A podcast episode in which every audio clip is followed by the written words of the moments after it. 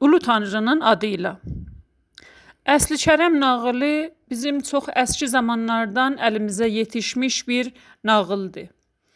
Çox qədim zamanlar nağıl baş verib, e, sonra eldən elə, obadan obaya e, nəql olub, danışılıb və indi bizim əlimizə yetişib.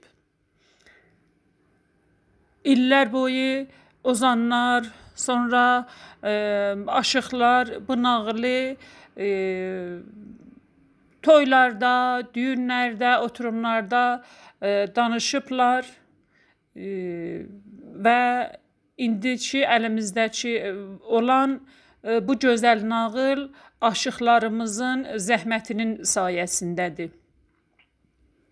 Bu arada bu gözəl nağıl e, siyasətdən çox təsir götürübdür. Bildiyiniz kimi ədəbiyyat və siyasət heç vaxt biri-birindən ayrı qala bilməyibdi. Zaman-zaman siyasət ədəbiyyata əsər qoyub və ədəbiyyat siyasətə. Bu etki iki yanlı idi, iki başlı idi. həmi əsər götürüb, həmi əsər qoyub. Bu gözəl sevgi nağılı da bu etkidən, bu təsirdən uzaq e, olmayıbdı yaşadığı dövrü. 9-cu qərnidən bu yana yazılan Əsli Kərəm nağılı e, tamamilə e, Səfəviyyə hakimiyyətindən təsir götürüb, e, Şiənin təsiri çox-çox gözə gəlibdi bu nağılda və indiki əlimizdə olan variantlar müxtəlifdirlər.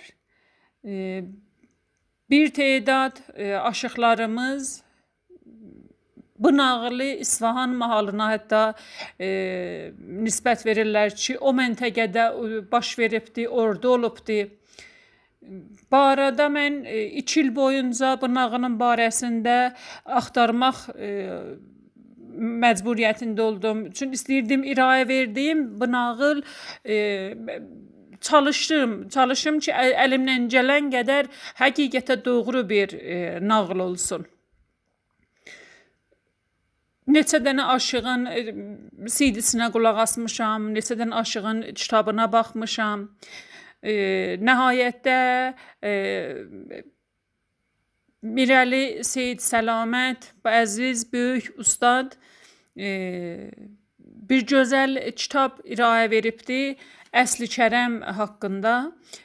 Bir bu kitab və bir də e, Təbrizin Bunyad Kitabxanə Firdevsi e, bir Əsli Kərəm kitabı çap eləyibdi illər öncə e, ay Sirus Qəmərinin zəhməti ilə bu iki e, kitabı mən nəhayətdə e, nəzərdə aldım ki, bunların ikisindən qarışıq, yəni e, birazı bundan, birazı ondan yox, bunların ikisindən e, ələ gələn bir vahid şəkildə nağıl irayə verəm xidmətinizə danışam qulluğunuza. E, indi əgər mən danışdığım nağıl eşitdiyiniz variantlarla fərqli olmuş olsa, e, məni bağışlayın və arxeyin olun ki, siz eşitdiyiniz aşığı, siz oxuduğunuz kitabı da e, Ustad Mirəli Seyid Səlamət hətmən görüb, onu da hətmən baxıbdı və adı hətmən kitabında e, gəlibdi Ustad Seyid Səlamətin. Mən bu iki kitabı nəhayətdə e, qarışığından bir nağıl danışacağam xidmətinizə. Artırmalıyam ki, bu arada həmişə olduğu kimi əziz ustadlarımdan çox-çox köməklik almışam, çox-çox vaxtlarını almışam. E, Məxsən Aydötür Rəhmani bu zəminədə mənə çox-çox kömək olub. E, dönə-dönə təşəkkür eləyirəm, əllərindən öpürəm əziz ustadımın. Ha belə ay Dötür Nəzəridən çox köməklik almışam, çox zəhmət vermişəm xidmətlərinə. Ustad Nəzərində əllərindən öpürəm. Dönə-dönə bu iki əziz və sair ustadımdan təşəkkür eləyirəm. Beləliklə keçək nağılımızın əslinə ki, görək hardan başlanıb və hara gedir bu nağıl. İllər öncə bir gözəl, abad, xətadan, bəladan uzaq bir ölkədə çox mehriban, sayğılı, müdrik və ədalətgöstər padişah var imiş. Ziyadxan adlı. Ziyadxan çox e, yaxşı bir padişah idi. Məmləkəti abad saxlayır, xalqını razı saxlayır.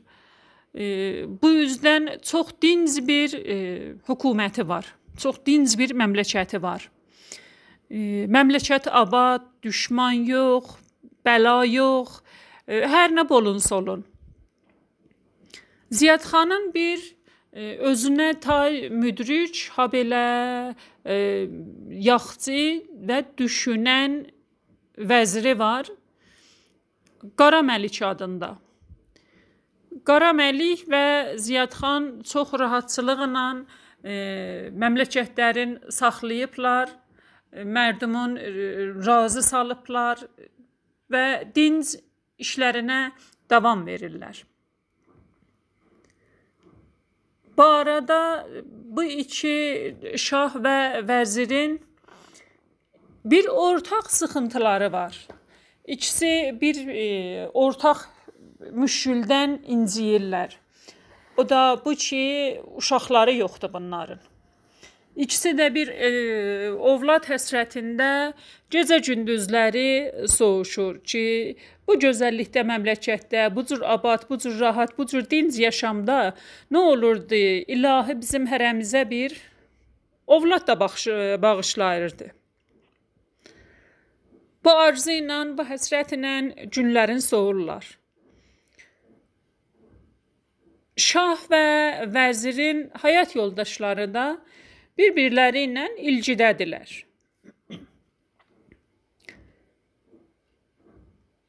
Elə birlikdə bağa çıxmaqları, birlikdə e, şənlik qurmaqları, birlikdə hər nə əllərindən gəldi, nə nə göyləri istədi, onu eləyirlər. Günlərin birində Sultanın xanımısı və Qaraməliyin xanımısı oturublar bağda bir gözəl kölgəlikdə e, deyirlər, gülürlər. Dövrələrində kənizlər bürüyüb, qulluqçuları. Biri su gətirir, biri şərbət gətirir, biri meyvə soyur. Bunların qulluğundadılar. Birdən Şahın xanımı görər eşikdən sanki bir çərçi səsi gəlir. Dərin qulaq asar, görər ki, bir çərçi çağırır eşikdə. Ay qızıl alma toxumu alan. Ay əbəs alma toxumu alan. Ay qızıl alma, ay əbəs alma. Şahın xanımı öz-özünə deyər: Bu nə toxumudur? Qızıl alma, əbəs alma. Qaraməliyin xanımına deyər, kənizlərdən göndər, bu çərçini çağırsınlar gəlsin. Əmir sənindir sultanım. Dərhal kənizlərdən göndərərlər, gedin çərçiyə deyin gəlsin bura.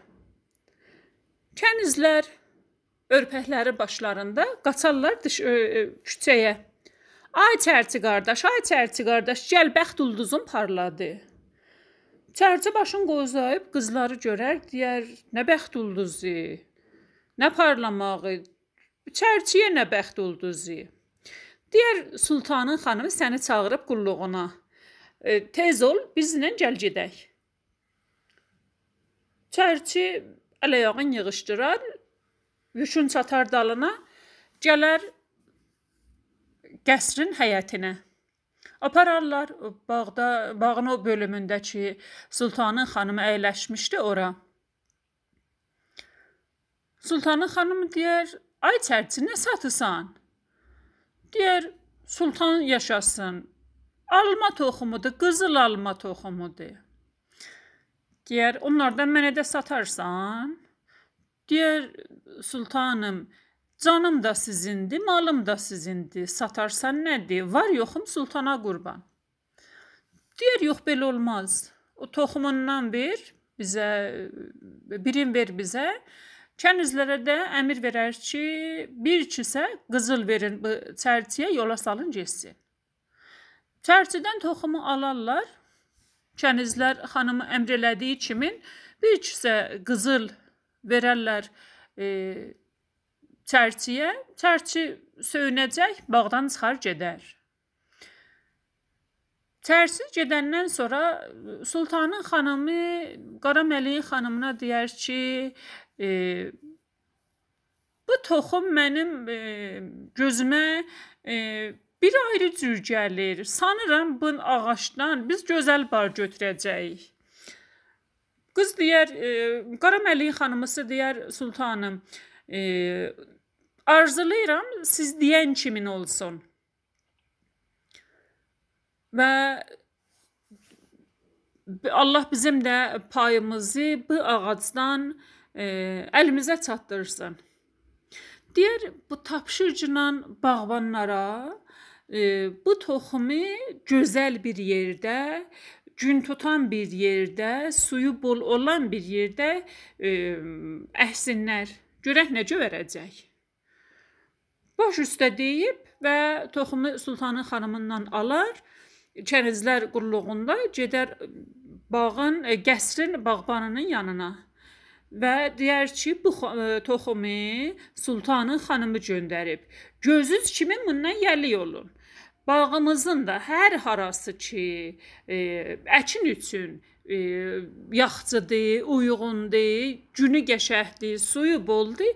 Bunu orada e, əkib becərtməlisiniz. Bağbanların başçısı toxumu alar və e, baş üstə deyib aparar bağın e, lap gözəl bir yerində e, toxumu əkər. Bir az keçər, çox keçər, neçə gün müddətdən sonra bu ağac göyərər və e, qol butaq verər. Şahın xanımı da elə uzaqdan uzağa fikri bu ağacın yanındadır ki, görən bu ağac e, nə cür ağac olacaq, nə cür bar verəcək, sona hara yetişəcək bu ağacın. Bu düşüncələrlə gecəni gündüzü sayır. Bir neçə vaxt bu ağacı əhməkdən keçmişdi. Günlərin birində sultanın xanımısı e, oturub öz qəsrində öz dilxoşluğu ilə, öz şadlığı ilə e, qızıl saplarla e, örpək tikir, örtük tikir. E, da məşğuldur da, özünü məşğul eləyib, həmişə olduğu kimi də Çənizlər xanımın qulluğunda. Sultanın xanımı oturub otağında, qəsrində və e, dediyimiz kimi qızıl sapla, ipək saplarla özünə bir e, məndil üstə gül tikir öz aləmində, öz royalarında. Birdən bu xanımı otduğu yerdə e, yuxu tutar, huşlanar. Yuxuda görər bağda dolanır. Yolu düşüb e, bu qızıl alma ağacının yanına. Birdən başın qovzayanda görər ki, ağacda bir gözəl qızıl qırmızı alma var. E, yuxuda görər əlini aparır almanı dərə, e, əlinə bir şey batar. Yuxudan aylar. Aylar görər barmağının ucuna sanki iynənin başı toxunubdu. Barmağından da qızıl-qırmızı qan gəlir. Tez dəsmal götürər, barmağının qanını silər, öz-özünə deyər: "Günün Cüneytə çağı, e, bu nə yuxusu idi? Mən e, əsən niyə yuxladım? Niyə belə yuxu gördüm?" E, iynə də mandı barmağıma, biraz göynətdi. Ürəyinə bir höyüşnə düşər. Durar qızlara deyər, e, yaylığımı gətirin, bağda dolanmağa çıxıram. Qulluqçuları dərhal Əmir sənindir, sultanım. E, xanımın yaylığını gətirərlər, örpəyin artar başına, e, kənizlər e, qulluğunda çıxar bağda dolansın. Təəmmüdən yolun salar, həmən ağac ki, e, özü əhdiribdi. Yolun salar ora, başın qozuyar, ağaca baxar filan, görər ki, yox, nə bar var, nə qızıl alma var, nə ayrı bir zat. E, təzədən yolun e, çöyrər öz qəsrinə tərəf və gələr öz qəsrinə. Kənizlərinə deyər, gedin vəzirin xanımına deyin, gəlsin mənim yanıma. Kənizlər də görərlər xanımın əhvalatı həmişəki kimin deyil. Qızlar gedərlər Qaraməlik xanımın çağırsınlar. Gedərlər, e, qapını çalarlar, qulluqçularına deyirlər ki, e, xanıma yetirin ki, sultanımız istəyir xanımı görsün. Dərhal gəlsinlər e, qəsrə xanımın yanına. Xəbər Qaraməlin qulağına, e, xanımının qulağına çatdığında e, gələr padşahın qəsrində ki, e, xanımı görsün. Gələr Əmir buyurmuşdun qulluğa gələm sultanım, buyur, xidmətindəyəm, qulluğundayam, əmrin olsun. Deyər, irə uzaqda durma, biraz bəri gəl. Gələr yaxına, deyər ki, bir ə, qəraib yuxu görmüşəm. İnşallah xeyirdir xanımım deyib və ə, qulaq asar xanımın yuxusuna. Xanım olduğu kimi danışar yuxusun ki, e, səhərin ala-qaranlığında bağda dolanırdım. Bağda bir e, ağacda bir qızıl alma gördüm qırmızı alma gördüm. Əlimi atdım dərəm. Əlimə bir zat mandı, e, ayıldım. Barmağın görsədər deyər bax, e, gül tikirdim, iynə mandı barmağıma. Bir neçə qətrədə qan gəldi. E, Qara Məliyin xanımısı deyər: "İnşallah xeyirdir, xanımım. Bu yuxunun sözünü heç heç kimin yanında danışma. E, dayan, gəlim birlikdə ala qaranlıqda gedərik. E, görək o ağacda nə var, nə görəcəyik." Amma e, bax, e, yenə də deyirəm, bu yuxunun sözün heç kimin yanında demə. E, indi icazə verirsəz, mən öz e, qəsrimizə qayıdım. Deyər yaxşı, get, amma ala qaranlıqda səni gözləyirəm. Xanım gedər öz qəsrlərinə sarı, sultanın da xanımısı o günü nə çətinliklə idi, nə ağırlıqla idi, axşam eləyib və e, gecə yatağına keçər. Gecəni höşnədən sultanın xanımının gözünə yuxu gəlməz. Elə gözü qalar dan yarılan yerdə ki, e, nə zaman bu qaranlıq pərdə e, biraz geri çəkiləcək ki, gedək görək o ağacda nə var. Birdən şafaq atan zaman görər ki, eşikdə bir ayaq səsi gəlir. Bilər ki, Qaraməliyin xanımıdır, gəlibdi qəsrə. Dərhal e, təxtdən səssiz sələmsiz yenər aşağı, örpəyin artar başına və səhərin ala qaranlığında e, iki xanım gedərlər ağa, ağacın yanına. Sultanın xanımı başın qozlayanda görər ki, e, ağacda bir qızıl alma var. Deyər, ax bəs e, mən səhər gəldim yoxudur. İndi bu alma hardan gəldi bura? Deyər xanım, nə fərq eləyəcək? Ya səhər, ya indi. Söz bundadır ki, indi bu ağac alıma bar gətirib. Sultanın xanımı əlin uzadar. Alma sanki düşməyə bu xanımın əlini gözləyirdi.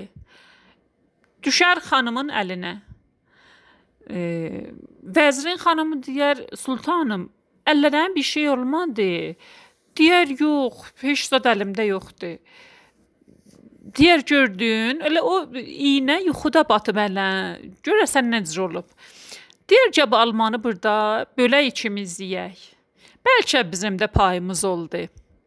Uşaqdan sarı biz də həsrət qalmadıq.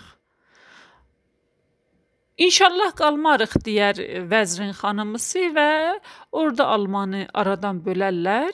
Yarısın sultanın xanımı yeyər, yarısın e, vəzrin xanımısı. Yeyərlər və e, qurtaranda sultanın xanımı deyər, e, içimdə sanki bir umud var. E, sanıram ilahi bizi əliboş qaytarmayacaq e, mənim oğlum olsa, sənin qızını alacağam öz oğluma. Bax, gəl burada belə qərarlaşaq. Qaraməliyin xanımısı deyər, olsun. Mən qızımı kimə gəlin eləyəcəyəm? Səndən yaxçı xanım ola. Sən özün bu yaxçılıqda sultanımız bu qədər müdrik, bu qədər ədalət göstər sizin əlinizin altından çıxan oğul da e, arxayınam ki, sizə tay olacaq. Mənim fəxrimdir ki, o qızım sizin kimin ailədə gəlin ola. Bunu deyib və ağacın altından gələr, çıxıb gələrlər. Hər kəsin o ala qaranlıqda səssiz sələmsiz öz qəsrinə sarı gedər. Qaraməlik xanımısı otağa girəndə Qaraməlik gözlərini açar. Ay xanım, bu nə hal? Gecənin bu alaqaranlığında və hardan gəlirsən örpək başında? Eşikdə nə edirdin?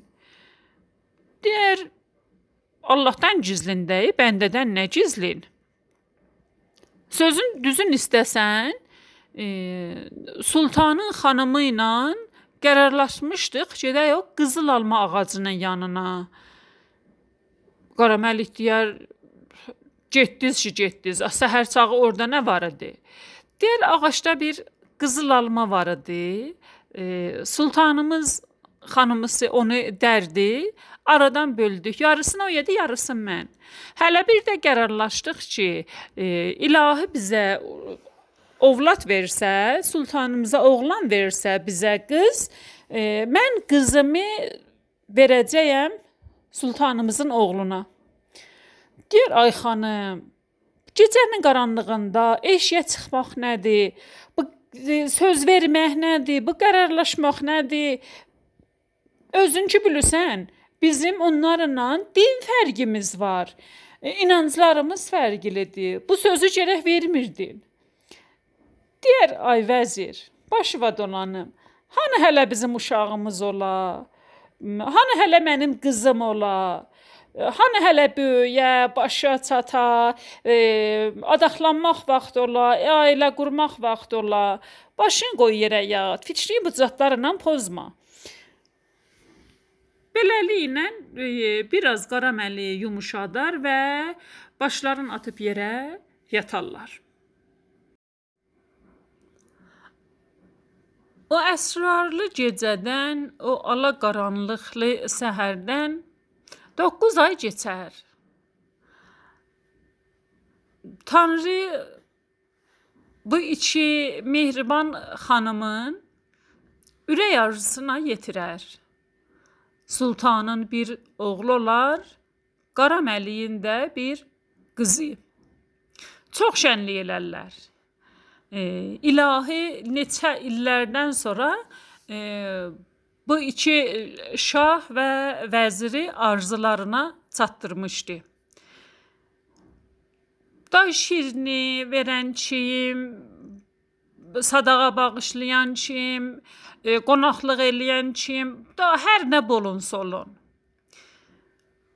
Qonaqlıqlar, qurban kəsməklər, şadlıq eləməklər filan e, neçə gün hamının başı belə e, işlərlə qarışar.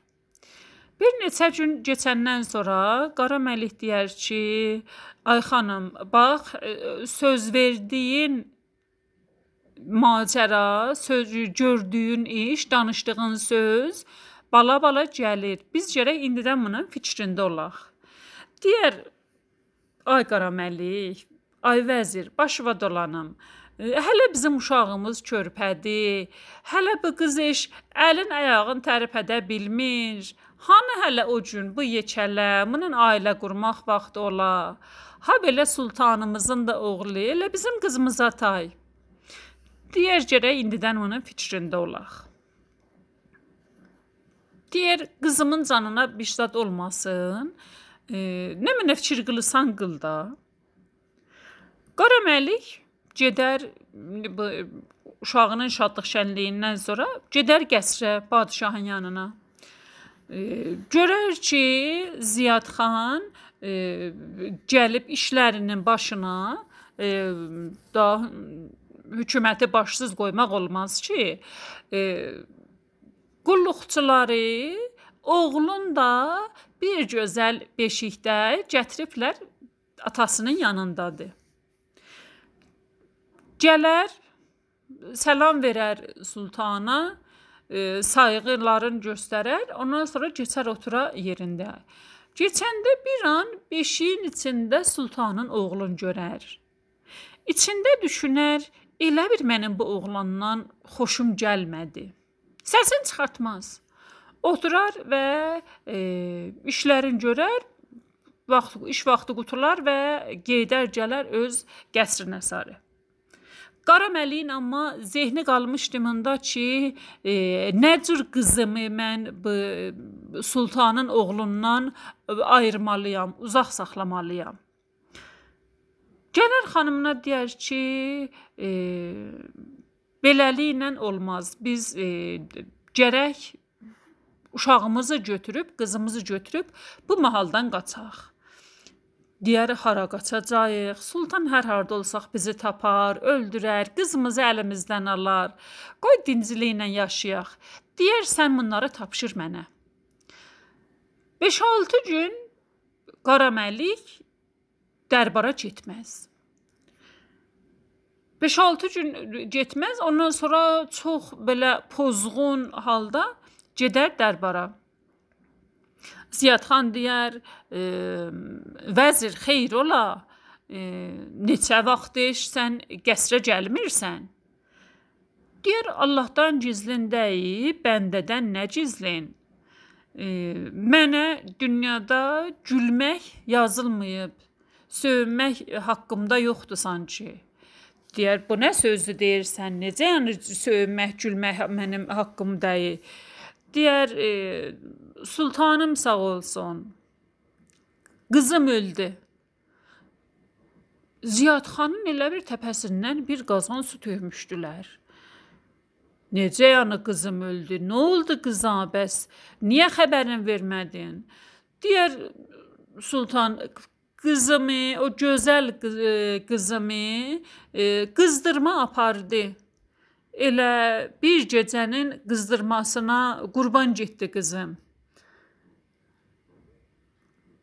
Padişah çox narahat olar. Çünki bilirdi ki, Qara Məlik də özü kimi neçə illər e, uşaq həsrətində idi.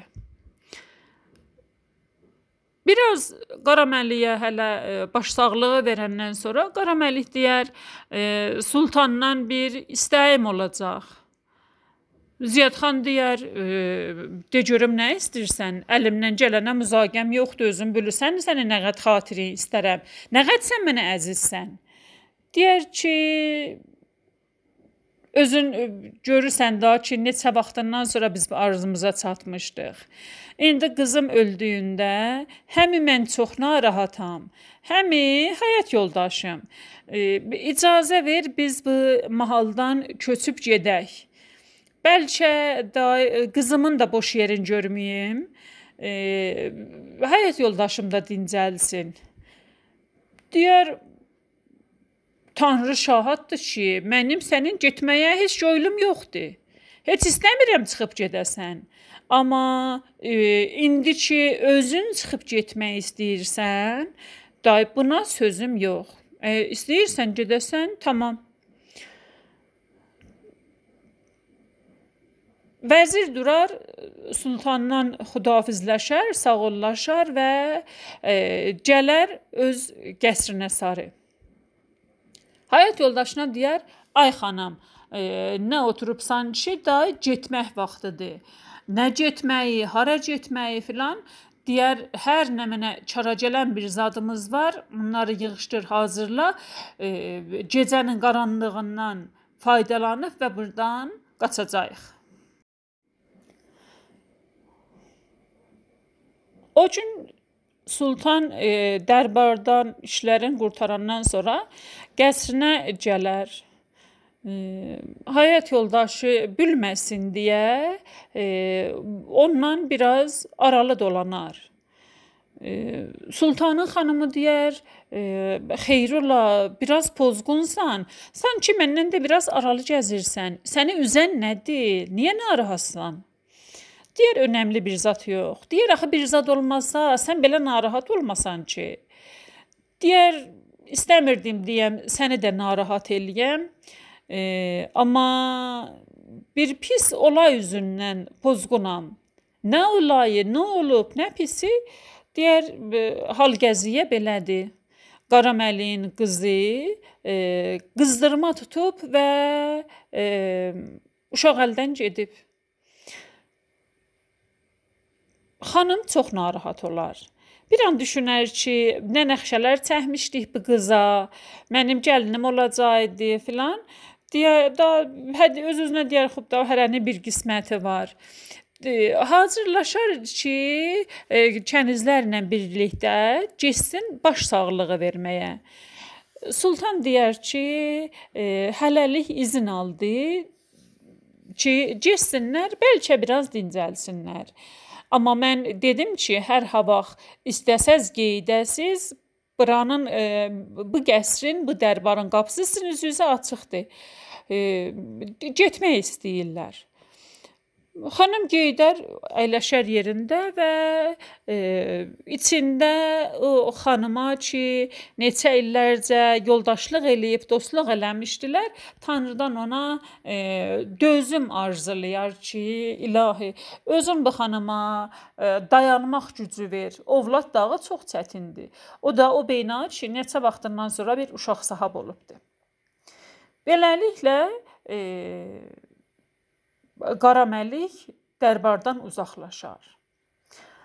Uzaqlaşar, gedər neçə gecə-gündüz e, höyllə, höyüşnəklə yol gedəndən sonra yetişərlər bir e, abad kəndə.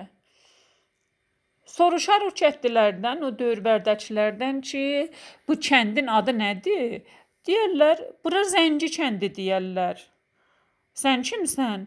Deyir mən də yoldan keçən köçəri bir yaxçı yer axtarırdım.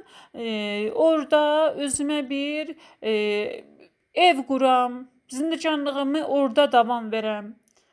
Deyirlər elə yaxçı gəlibsən. Bura xətasız, bəlasız bir kənddir, bir mahaldır. Sən də gəl, bizlə bahəm burada qal da özü ilə bahəm bir aləm puldan, qızıldan e, e, gətirib, pul qızılla özünə bir gözəl kətdə damdaş hazırlayar və ailəsi ilə birlikdə başlayarlar orada zindecanlıq eləməyə. E, xanımının da günü fəqət elə qızının yanında keçir, qızına yetişir, yeməyinə, içməyinə, böyütməyinə. Beləliklə 15 il zaman keçər. Ziyad xanın oğlu qəsrdə böyüyüb, Qara Məliyin qızı da Zəngi kəndində. Bir gözəl gecə idi. Ziyad xanın oğlu yuxuda görər, e, bir bağda dolanıram. Çox səfalı bir bağ. Ağaclar yamyaşıl, e, başları buludlarla e, sarışmaqda. Ortadan bir bulaq axır, bir su axır, dumduru elə bir göz yaşıdır. Elə gözəl quşlar oxuyurlar o bağda, elə əlvan-əlvan qanadlar.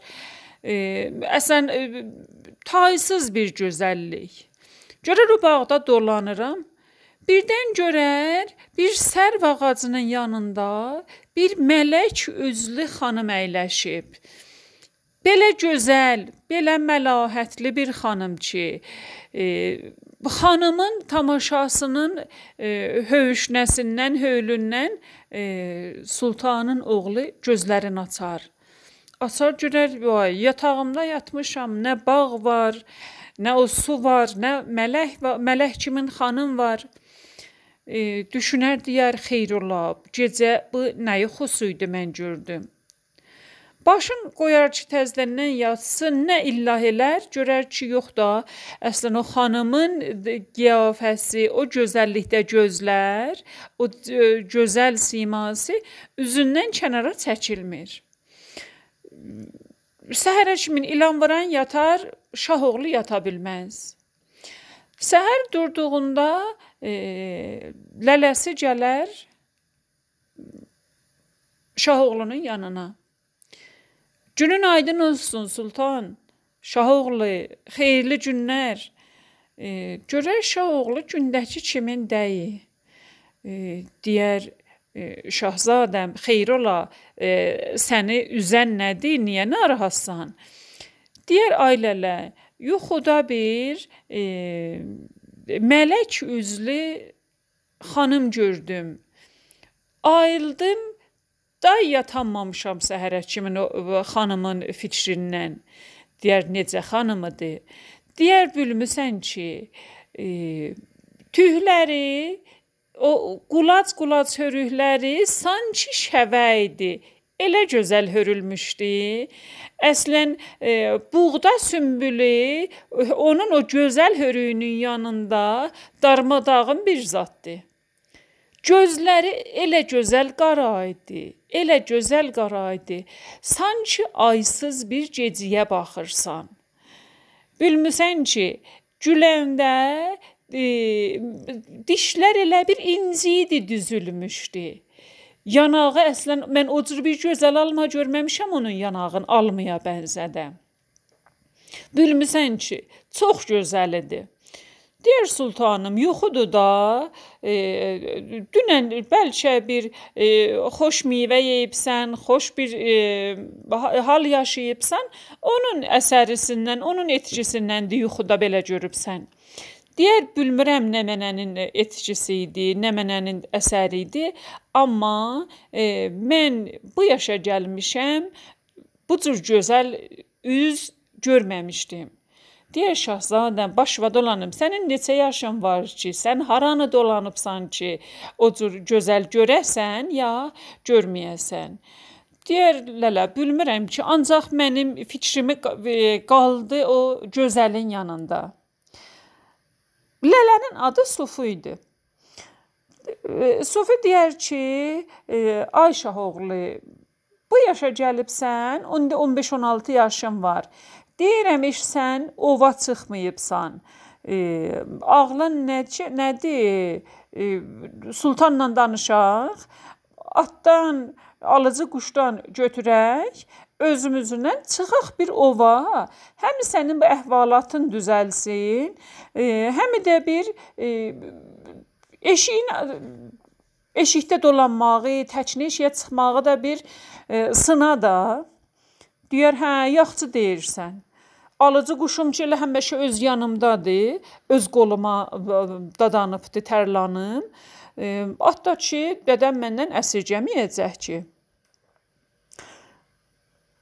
Şahın oğlu Lələ ilə birlikdə durar gedər e, Ziyadxanın yanına. Ehtiram elərlər, sayğılarını göstərib və oturarlar bir tərəfdə. Sufu da e, biraz aşağılıqda, Şahzadədən biraz aşağılıqda əyləşib. E, Ziyadxan baxar oğlunun boyuna, qəddi-qamətinə, bətər kef elər. E, ay oğul, xeyir ola. Deyər ata, lələmlə birlikdə istirik ova çıxaq.